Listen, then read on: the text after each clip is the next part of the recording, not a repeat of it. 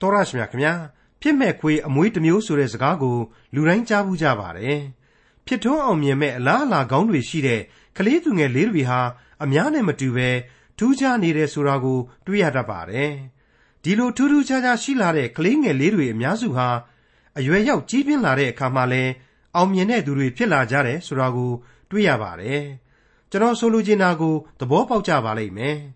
ဒီကနေ့သင်သိရသောတမန်ကျမ်းအစီအစဉ်မှာလေ့လာမှာဖြစ်တဲ့ခရိယန်တမန်ကျမ်းဓမ္မဟောင်းကျမ်းပိုင်းတွေက56ခု58ခုနဲ့58ခုမြောက်သောစာလံကျမ်းတွေမှာ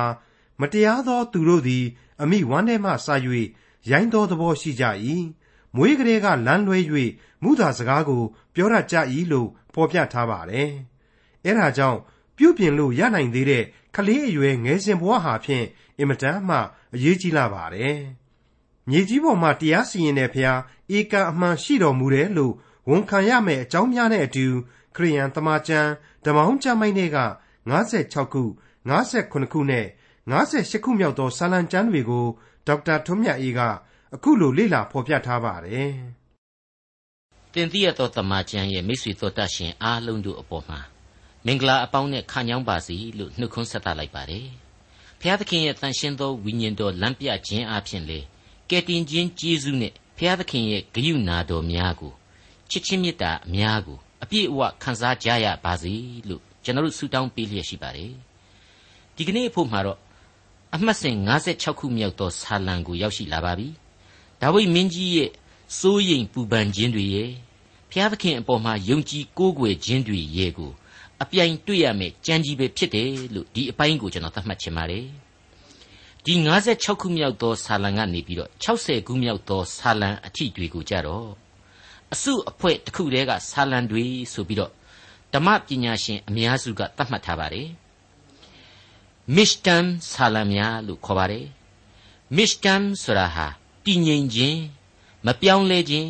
ခိုင်မာခြင်းများကိုကိုစားပြုတဲ့ဝေါ်ဟာရလို့ကျွန်တော်တို့နားလည်ရပါတယ်ဥပမာအားဖြင့်ပေးရမယ်ဆိုရင်တော့ 58ခုမြောက်သောဆာလံရဲ့အငယ်9မှာကြည့်မယ်ဆိုရင်အိုဖျားသခင်အကျွန်ုပ်နှလုံးသည်တည်ကြည်ပါ၏အကျွန်ုပ်နှလုံးသည်တည်ကြည်ပါ၏တည်ခြင်းဆိုပါမည်ချီးမွမ်းထောမနာပြုပါမည်ဆိုပြီးတော့ဖော်ပြထားပါတယ်အဲ့ဒါဟာမစ္စတမ်ရဲ့တည်ငြိမ်ခြင်းကိုဖော်ပြတဲ့သဘောပါပဲဓမ္မတုတေပီဒဲလစ်ဆိုတဲ့ပုဂ္ဂိုလ်ကြီးကအခု56ခုမြောက်သောဆာလံတည်ခြင်းဟာဝယံပြေးတယောက်ရဲ့ အာရဝမ်းမြောက်ဖွယ်တတ္တိဒူးကိုဖော်ကျူးတယ်ဆိုပြီးတော့သူ့ရဲ့အယူအဆကိုတင်ပြထားပါတယ်55ခုမြောက်သောဆာလံတုန်းကဆိုရင်ဒါဝိဒ်ဟာသူတော့ဂျိုးငှက်ကလေးရဲ့အတောင်များကိုရယူပြီးတော့ငင်းချမ်းရအရက်ဒေသတစ်ခုမှာပဲတွားရောက်ခိုနားလိုက်ချင်တော့တယ်ဆိုပြီးတော့သူ့ရဲ့ကိုယ်ပိုင်ခံစားချက်ကိုဖော်ပြခဲ့ပါတယ်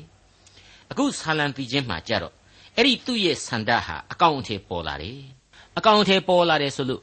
ဂျိုးငှက်ကလေးရဲ့အတောင်ပံကိုတကယ်ရပြီးတော့ တကယ်ငင်းချမ်းတဲ့နေရာကိုရောက်သွားတာတော့မဟုတ်ဘူး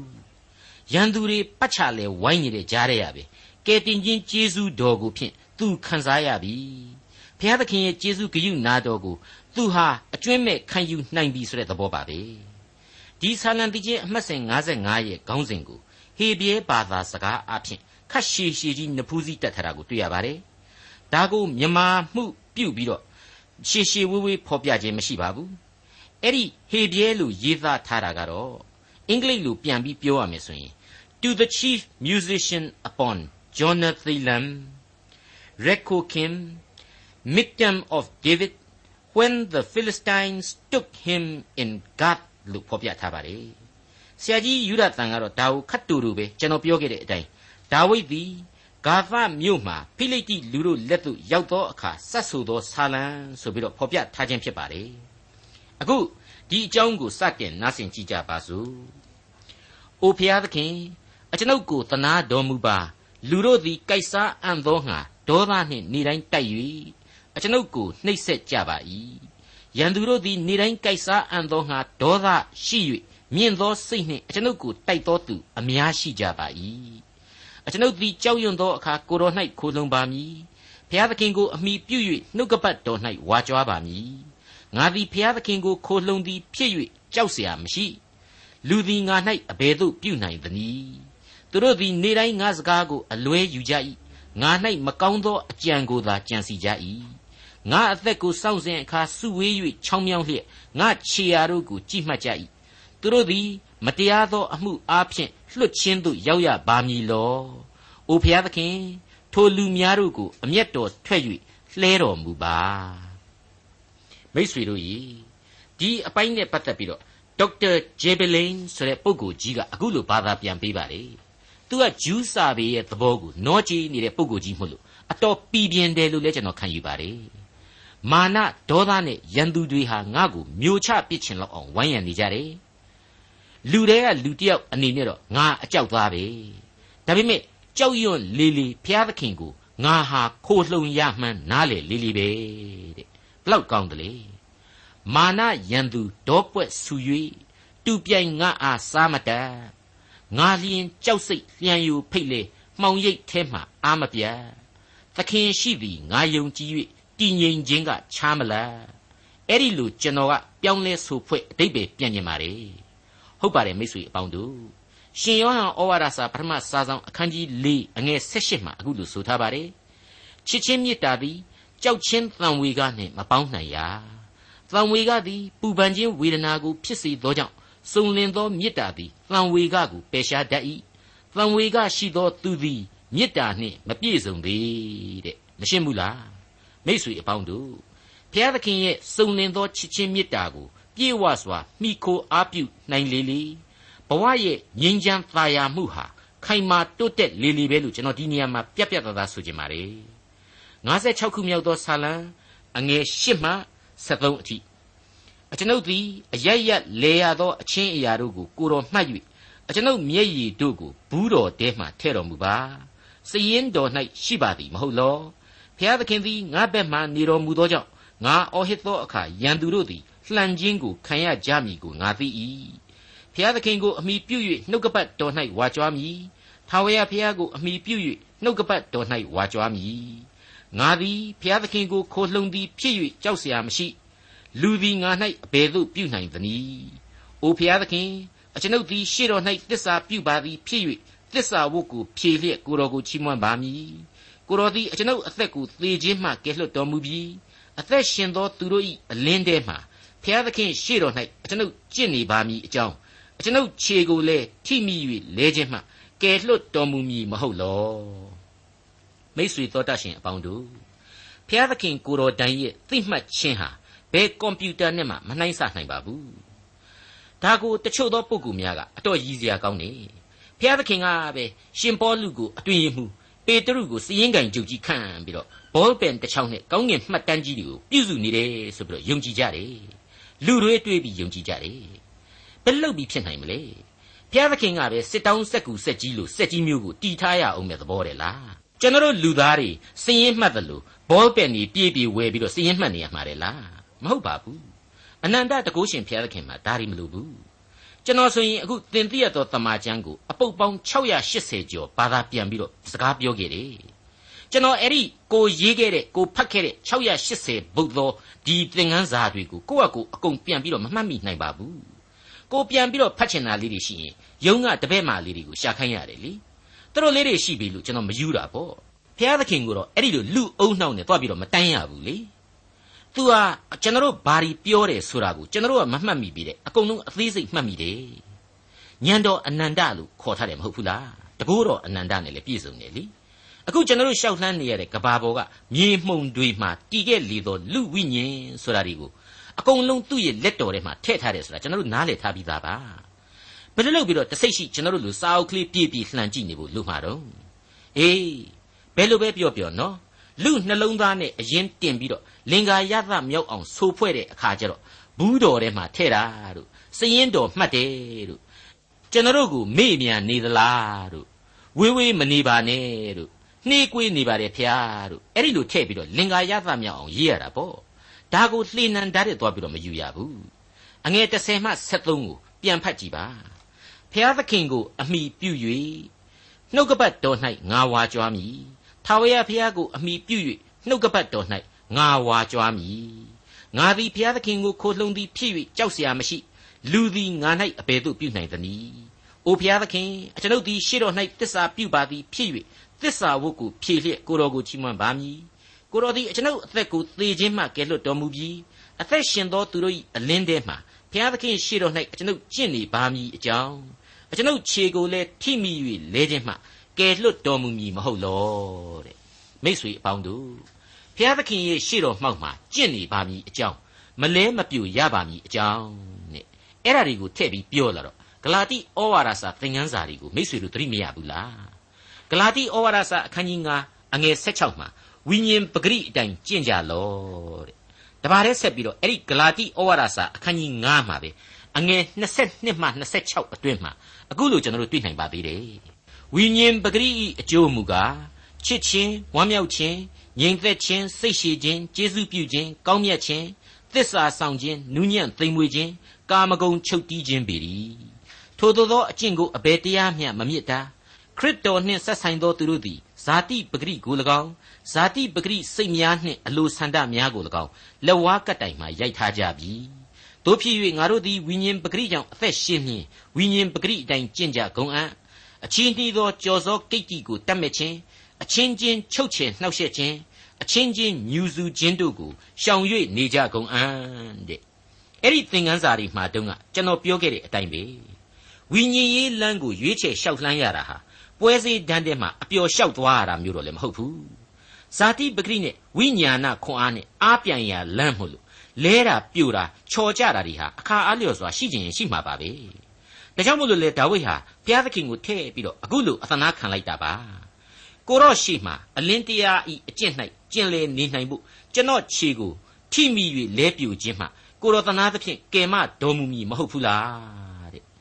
ဒီကနေ့ညမှာကျွန်တော်တို့ဒီလိုပဲအသနာခံပြီးတော့အတောင်တော်အရေးအောက်မှာအနားယူအိတ်ဆက်ကြပါပြီးတဲ့နောက်မှာတော့နက်ဖန်လင်းအာယုံကျင်းတဲ့အချိန်ကစပြီးတော့ ဘဝသစ်အတွင်းကိုချင်းနှင်းဝင်ရောက်ရှောက်လှမ်းကြပါစို့လို့ကျွန်တော်အားပေးလိုက်ပါရစေ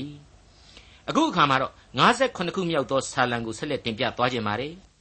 ဒါဝိဒ်သည်ဥမင်၌ရှောလူထံမှထွက်ပြေးသောအခါစတ်ဆူသောဆာလံ။အိုဖျားသခင်အကျွန်ုပ်ကိုတနာတော်မူပါတနာတော်မူပါဘေးမလွန်မီတိုင်အောင်အကျွန်ုပ်၏ဝိညာဉ်သည်ကိုတော်ကိုခိုးလှုံပါ၏အတောင်တော်အရေး၌ခိုးလှုံပါ၏ငါသည်အမြင့်ဆုံးသောဖျားသခင် ငါအမှုကိုပြီးစည်းစေတော်မူသောဖျားသခင်ကိုအော်ဟစ်မည်ကောင်းကင်ကလက်တော်ကိုဆန့်တော်မူမည်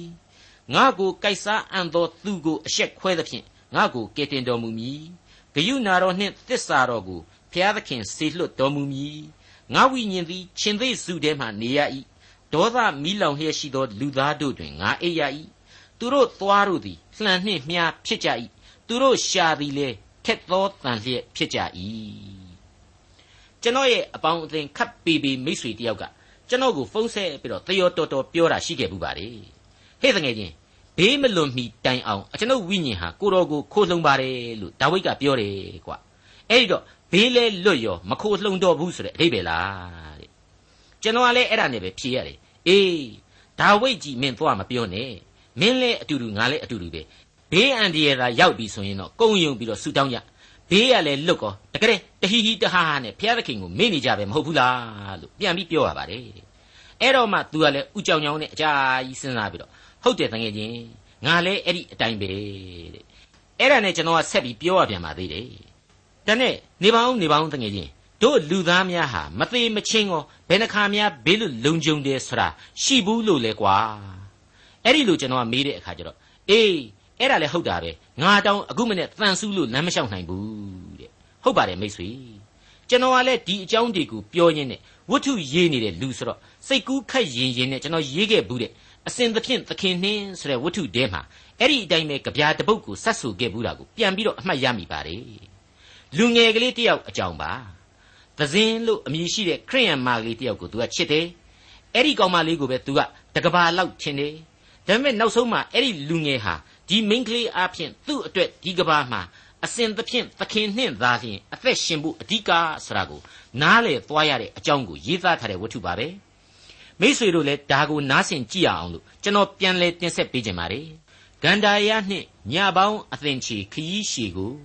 မျက်ရည်သုံးသောက်ချွေးပေါက်ပေါက်ဖြင့်တယောက်ထီးသာရှောက်ခဲ့ရာဝဲကမ်းသာမြစ်စိတ်ငိမ့်ရရိတ်မှနမိတ်စော်သွင်းချစ်လေညင်းကြောင့် ချက်ချင်းဝိညာဉ်အသက်ဝင်သည်အစဉ်သဖြင့်သခင်နှင့်ယုံကြည်မျှော်လင့်အစဉ်သင်အတိတ်ပဲကတော့လူဘဝဆိုတာဟာပျောက်သောလမ်းမှစံတဝါဆိုတယ်လို့ဖြစ်တတ်တယ်ကြမ်းတမ်းတဲ့ဂန္ဓာရခရီးစဉ်ကြီးကိုအရှိကြီးသွားရတာဟာအားငယ်ပွေတွေဖြစ်နိုင်တယ် ဒါပေမဲ့ဘုရားသခင်ဖော်ပြတဲ့အသက်လမ်းနဲ့ငြိမ်းချမ်းသောပန်းတိုင်စီကနေညင်သာတဲ့မေတ္တာလေးပြေလေးနှင်းကလေးကိုရှူရှိုက်နေတာနဲ့တပြိုင်နက်တည်းပဲစိတ်ဝိညာဉ်ဟာခွန်အားတွေအလိုလိုပြည့်ဝပြီးတော့အသက်ဝင်လာနိုင်တယ်အစင်မပြတ်ကယ်တင်ရှင်ကိုလက်တွဲပြီးတော့ယုံကြည်ခြင်းမျှော်လင့်ခြင်းနဲ့ဘဝသစ်ကိုရောက်ရှိစေရတယ်ဆိုတဲ့အကြောင်းကိုဖော်ကျူးလိုက်ခြင်းပါပဲမိတ်ဆွေအပေါင်းတို့ခမညာငါဝိညာဉ်သည်ရှင်သေးစုထဲမှာနေရ၏ဆိုတဲ့ဒါဝိမင်းကြီးဖော်ပြတဲ့အချက်ဟာ လူသားရဲ့ဝိညာဉ်ကိုစာရမဏေဟာအစဉ်တစိုက်နှောက်ယှက်နေတယ်ဆိုတဲ့သဘောပါပဲရှင်ပေတရုဩဝါဒစာပထမစာဆောင်အခန်းကြီး9အငယ်8မှာတမာတရိရှိလျက်မအိပ်ဖဲစောင့်နေကြလော့သင်တို့၏ရန်သူကြီးဟုသောမာနသည်ဟောက်သောခြင်းသေးကဲ့သို့အဘဲသူကိုမျိုးရမြည်နည်းဟု၍လှဲ့လေရှာဖွေလျက်ရှိ၏လို့ဖော်ပြထားပါတယ်အဲ့ဒီရှင်သေးကြီးနဲ့အလွန်တူညီတဲ့စာရမဏတ်ကိုမှအထောက်အကူပြုနေတဲ့ရှင်သေးငယ်တွေဟာလည်းအများကြီးရှိနေပါသေးတယ် ကိုယ်တိုင်ဟာဇာတိပဂရိလူသားမို့လို့အဲ့ဒီရှင်သေးစည်ရင်ဝင်ဖြစ်သွားနိုင်တယ်ဆိုတာကိုလေကျွန်တော်အစဉ်အမြဲသတိပြုကြရပါလိမ့်မယ်58ခုမြောက်သောဆာလံအငယ်9မှ17အိုဖျားသခင်ကောင်းကင်မြင့်သည်တဲ့ကိုတော်ကြီးမြင့်တော်မူစေတည်းမြေကြီးတစ်ပြင်လုံးကိုဘုံတော်လွှမ်းမိုးပါစေတည်းသူတို့သည်ငါသွားရလမ်း၌ကြော့ကွင်းကိုပြင်ဆင်ကြပြီငါဝိညာဉ်သည်နှိမ့်ချလျက်ရှိ၏ငါရှိ၌တွင်းကိုတူးကြပြီးမှ ကိုတူးသောတွင်းတဲ့သို့ကိုကြကြပြီအိုဖျားသခင်အကျွန်ုပ်နှလုံးသည်တည်ကြည်ပါ၏အကျွန်ုပ်နှလုံးသည်တည်ကြည်ပါ၏တည်ခြင်းဆိုပါမည်ချီးမွမ်းထောမနာပြုပါမည်အိုငါဝိညာဉ်နိုးလော့တယောနှင့်စောင်းတို့နိုးကြလော့ငါလဲစောစောနိုးမည်အိုထာဝရဖျားပရိသတ်အလယ်၌ကိုတော်ကိုချီးမွမ်းပါမည်လူမျိုးတို့တွင်ကိုတော်အားထောမနာသိခြင်းဆိုပါမည်အကြောင်းမူကားဂယုနာတော်သည်ကောင်းကင်သို့၎င်း သစ္စာတော်သည်မိုးတိမ်သို့၎င်းမိပါ၏အိုဖျားသခင်ကောင်းကင်မြင့်သည်တဲ့ကိုတော်ကြီးမြင့်တော်မူစေတည်းမြေကြီးတစ်ပြင်လုံးကိုဘုံတော်လွှမ်းမိုးပါစေတည်းမစ္စတမ်ဆာလန်ဆိုပြီးတော့အခုဆာလန်ကျမ်းအမှတ်စဉ်56ကနေပြီးတော့60ခုမြောက်သောဆာလံတွေကိုသတ်မှတ်ထားတဲ့အကြောင်းကျွန်တော်ဖော်ပြခဲ့ပြီးပါပြီဒီဆာလံတည်ခြင်းတို့ဟာတည်ငြိမ်မှုမပြောင်းလဲမှု ခိုင်မာမြဲမြံမှုတို့ကိုဖော်ပြနေတယ်ဆိုတာကိုလေကျွန်တော်တင်ပြခဲ့ပြီးပါပြီဟုတ်ပါတယ်ဒါဝိဒ်ရဲ့စိတ်အစဉ်ဟာဘုရားသခင်ရှေ့တော်မှောက်မှာတည်ငြိမ်နေပါတယ်ဘုရားသခင်အပေါ်မှာမြဲမြံစွာစူးစိုက်ယုံကြည်မှုရှိနေပါတယ်အိုဘုရားသခင်အကျွန်ုပ်ဤနှလုံးသည်တည်ကြည်ပါ၏အကျွန်ုပ်ဤနှလုံးသည်တည်ကြည်ပါ၏တဲ့ပြီးတော့မှအလွန်လှပတဲ့ကြပြာရသများကိုဆက်လက်ခန်းစားရစေပါတယ်တည်ခြင်းဆိုပါမည်ချီးမွမ်းထောမနာပြုပါမည် အိုငါဝိညာဉ်နိုးလော့တယောနှင့်စောင်းတို့နိုးကြလော့ငါလဲစောစောနိုးမည်တဲ့ဟုတ်ပါတယ်မိတ်ဆွေဒါဝိဒ်မင်းကြီးဟာအမှုပညာရှင်ကြီးတစ်ယောက်ဖြစ်ခဲ့ပါတယ်သူဟာစောင်းတဲ့တယောကိုအလွန်ကျွန့်ကျင်ပိုင်နိုင်စွာတီးခတ်နိုင်ပုံရပါတယ်သူနဲ့မကွာဆောင်ယူသွားလိရှိသလားလို့လည်းကျွန်တော်တွေးမိပါတယ်တကယ်တော့ဒါဝိဒ်မင်းကြီးဟာသူကျွန့်ကျင်တဲ့အရာအလုံးကိုပါဘုရားသခင်ရဲ့နာမတော်အတွက်အသုံးပြုခဲ့တာတယ်လို့ကျွန်တော်ခံယူပါတယ်ဒီတော့ သူဟာအိုးငါဤကညစ်စောစောနုလောငါဤကလောင်စောစောထလောငါလဲစောစောထမည်အိုးငါဤပေရွယ်များစောစောနိုးထကြလောငါလဲစောစောနိုးထမည်လို့လဲဆိုနိုင်လိမ့်မယ်လို့ကျွန်တော်စိတ်ကူးရင်မိပါတယ်မိษွေတို့ဟာတယောနဲ့ဆောင်ကလောင်နဲ့စာအုပ်တွေရဲ့အစားကိုကျွန့်ကျင်တဲ့ကရိယာတွေကိုနားလေတဲ့အတတ်ပညာအရေးအချင်းတွေနဲ့ဘုရားသခင်ရဲ့ကျေးဇူးတော်ကို ဒါဝိဒ်မင်းကြီးအတိုင်းပဲချီးမွမ်းနိုင်ကြပါစေလို့ကျွန်တော်တို့မေတ္တာပို့လိုက်ပါတယ်ဆရာဝန်တယောက်အနေနဲ့ဆိုရင်သူတက်တဲ့ဆေးပညာနဲ့ပေါ့ကျောင်းဆရာဆိုရင်တော့ပညာသင်ကြားမှုအတတ်ပညာနဲ့ပေါ့ဒီအတိုင်းပဲလေစီးပွားရေးသမားဆိုရင်လေငွေကြေးပစ္စည်းနဲ့ပေါ့ပကြီးဆရာတယောက်ဆိုရင်သူ့ရဲ့စုတ်တန်နဲ့ဆေးချက်များနဲ့ပေါ့အဲ့ဒါဟာအခုဒါဝိဒ်ဖော်ပြတဲ့အတိုင်းကိုတော့ကိုအစဉ်ထောမနာပြုခြင်းကျေးဇူးတော်ချီးမွမ်းခြင်းကိုလူသားတိုင်းလုပ်နိုင်ရဆိုတဲ့အတိတ်ပဲပါပဲ မြေကြီးတစ်ပြင်လုံးကိုကိုတော်လွှမ်းမိုးပါစေတည်းဆိုတာကိုအထူးဂရုပြုကြပါဒီတောင်းစုဟာတစ်ဖက်ကပြည့်စုံနေဆိုနိုင်ပြီမေဓမ္မသဘောအရာကတော့ခရစ်တော်ကိုကိုတော်တိုင်တရားစီရင်ပြီးမှသာပြည့်စုံမှာဖြစ်ပါတယ်ဒီကနေ့ဒီအချိန်မှဆိုရင်မြေကြီးတစ်ပြင်လုံး၌ကိုတော်လွှမ်းမိုးခြင်းရှိသည့်တိုင်အောင်လူသားတို့ဟာကိုတော့လွှမ်းမိုးခြင်းတဲ့စာရမဏအလွှမ်းမိုးတာခံရရစေဖြစ်တဲ့အကြောင်းသတိပြုကြရပါလိမ့်မယ်အဲ့ဒီလိုရှင်သေးတွေအမြောက်အများကြားတဲ့ကနေပြီးတော့ ကယ်တင်ရှင်တရားကိုလက်ခံဖို့အရေးဟာဒီကနေ့ဘုရားသခင်တောင်းဆိုနေတဲ့အရေးကျွန်တော်ကျမတို့ရဲ့သာဝရအသက်ဆုကျေးဇူးတော်ကိုရယူနိုင်ဖို့အရေးကြီးပဲဖြစ်ပါတယ်မိတ်ဆွေအပေါင်းတို့ခမညာအခု58ခုမြောက်သောဆာလံတည်ခြင်းကိုဆက်လက်ဖော်ပြသွားပါမယ်ဒီဆာလံဟာ Mishtam ဆာလံအုပ်စုထဲမှာပါဝင်တယ်လို့ El Takik ဆာလံလို့လည်းခေါ်ပါတယ်ကျိန်ဆိုခြင်းပါဝင်တယ်ဆိုတဲ့အဓိပ္ပာယ်ရှိပါတယ်အနာဂတိသဘောတရားအရာကကာလကုံဆုံးဂန်ဒီမှာ ယုံကြည်သူဣတရီလာတို့ကိုရန်သူတို့ဝန်းရံနေလိမ့်မယ်ဆိုတာကိုဖော်ပြတဲ့ကြံဆိုပြီးတော့လေကျွန်တော်တို့ဒီဆာလံတီချင်းနဲ့ပတ်သက်လို့ခံယူနိုင်ကြပါလိမ့်မယ်။နားဆင်ကြည့်ကြပါစို့58ခုမြောက်သောဆာလံအငယ်1မှ9အိုးလူသားတို့အကယ်စင်စစ်သင်တို့သည်စကားဖြောင့်ကြသလောတရားသဖြင့်စီရင်ကြသလောအကယ်စင်စစ်သင်တို့သည်မတရားသောအကြံကိုကြံစီ၍မြေကြီးပေါ်မှကိုလက်နှင့်ပြုသောညှင်းဆဲခြင်းကိုချိန်တတ်ကြ၏ မတရားသောသူတို့သည်အမိဝန်းထဲမှစ၍ရိုင်းသောသဘောရှိကြ၏မွေးကလေးကလမ်းလွဲ၍မှုသာစကားကိုပြောတတ်ကြ၏သူတို့အစိတ်သည်မွေအစိတ်နှင့်တူ၏နာပင်သောမွေဆိုးသည်မိမိနားကိုပိတ်၍လိမ္မာသောအလံပဲမွဲ့ဆိုသောမန္တရားစကားကိုနားမထောင်ဘဲနေသကဲ့သို့ဖြစ်ကြ၏ဒီအပိုင်းဟာဘုရားသခင်ကိုတော်တိုင်ဒါဝိဒ်ရဲ့ကလောင်အားဖြင့်မေကွန်းထုတ်လိုက်တာနဲ့အတူတူပါပဲ ကျွန်တော်လူသားဆိုတာဟာအပြစ်ဗီဇနဲ့သာမွေးဖွားလာရယူထုံးစံရှိတယ်ဆိုတာကိုကျွန်တော်အထူးသတိပြုထားကြပါမယ်ကိုယ့်ရဲ့အားနည်းတဲ့လူဘဝကိုမသိဘဲနဲ့တော့အဖဖျားသခင်ကိုယုံကြည်ခြင်းတရားဆိုတာဟာမွေးမြူနိုင်ဖို့လွယ်မှာမဟုတ်ပါဘူးမိတ်ဆွေအပေါင်းတို့မိမိတို့ရဲ့အပြစ်ရှိခြင်းကိုသိနာလေရတာဟာကျေးဇူးတော်ပါလူမို့လို့သာအပြစ်ရှိနိုင်တယ်လူမို့လို့သာလေအဲ့ဒီအပြစ်ကလွတ်ခွင့်ဆိုတာဟာရှိနိုင်တယ်ဒါကိုကျွန်တော်တို့ဟာနှုတ်ကပတ်တော်အသက်လန်းအားဖြင့်သာ သိနာလေနိုင်ခွင့်ရကြခြင်းလည်းဖြစ်ပါလေဒါကြောင့်မလို့ကျေးဇူးတော်ပါ58ခုမြောက်သောဆာလံအငယ်6မှ7အိုဖျားသခင်သူတို့ပါဇက်ထဲမှသွားများကိုချိုးတော်မူပါအိုထာဝရဖျားရှင်သေးတို့၏အံသွားများကိုချိုးတော်မူပါ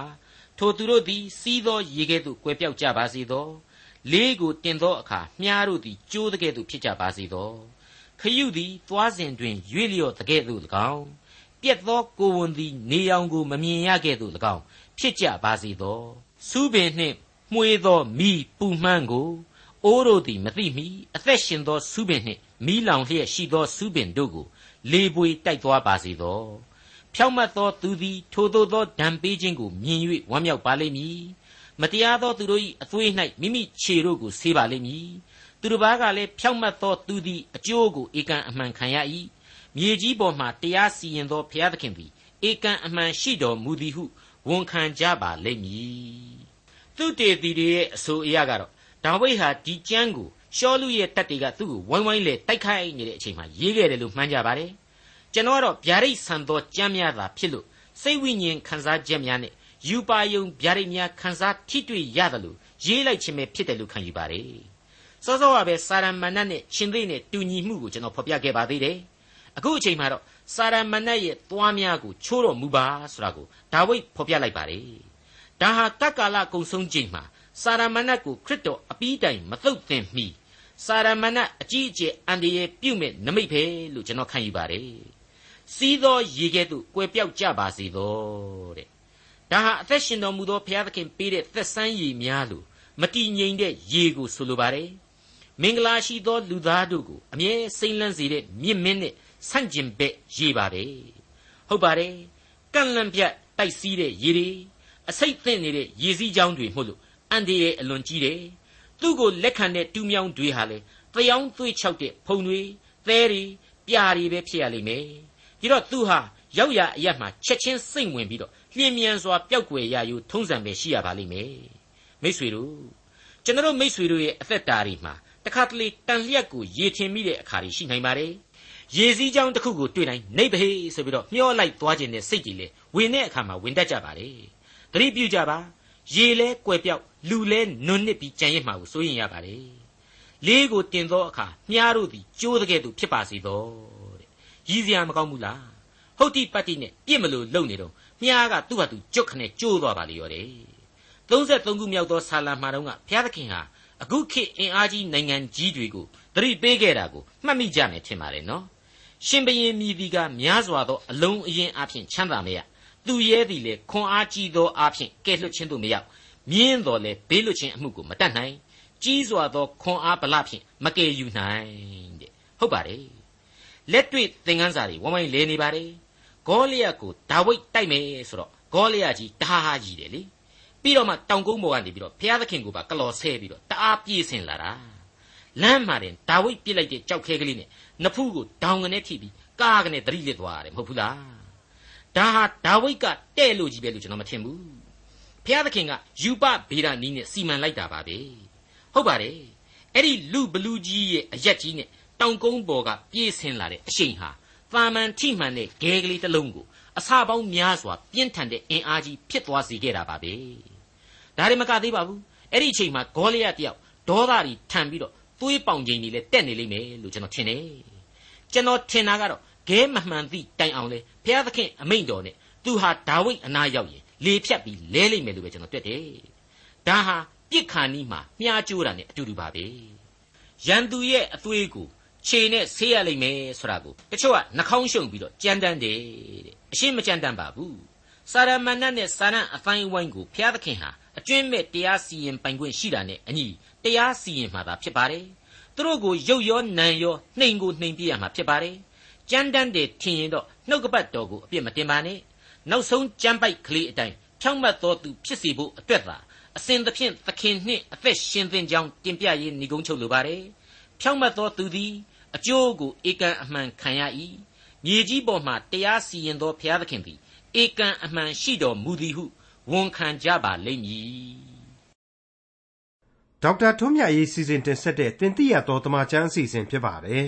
နောက်တစ်ချိန်အစီအစဉ်မှာခရိယန်တမချန်းဓမ္မဟောင်းကျမ်းပိုင်းမှာပါရှိတဲ့59ခုမြောက်သောစာလံကျမ်းအခု60မြောက်စာလံကျမ်းနဲ့62ခုမြောက်သောစာလံကျမ်းတွေကိုလေ့လာမှဖြစ်တဲ့အတွက်စောင့်မျှော်နားဆင်နိုင်ပါတယ်။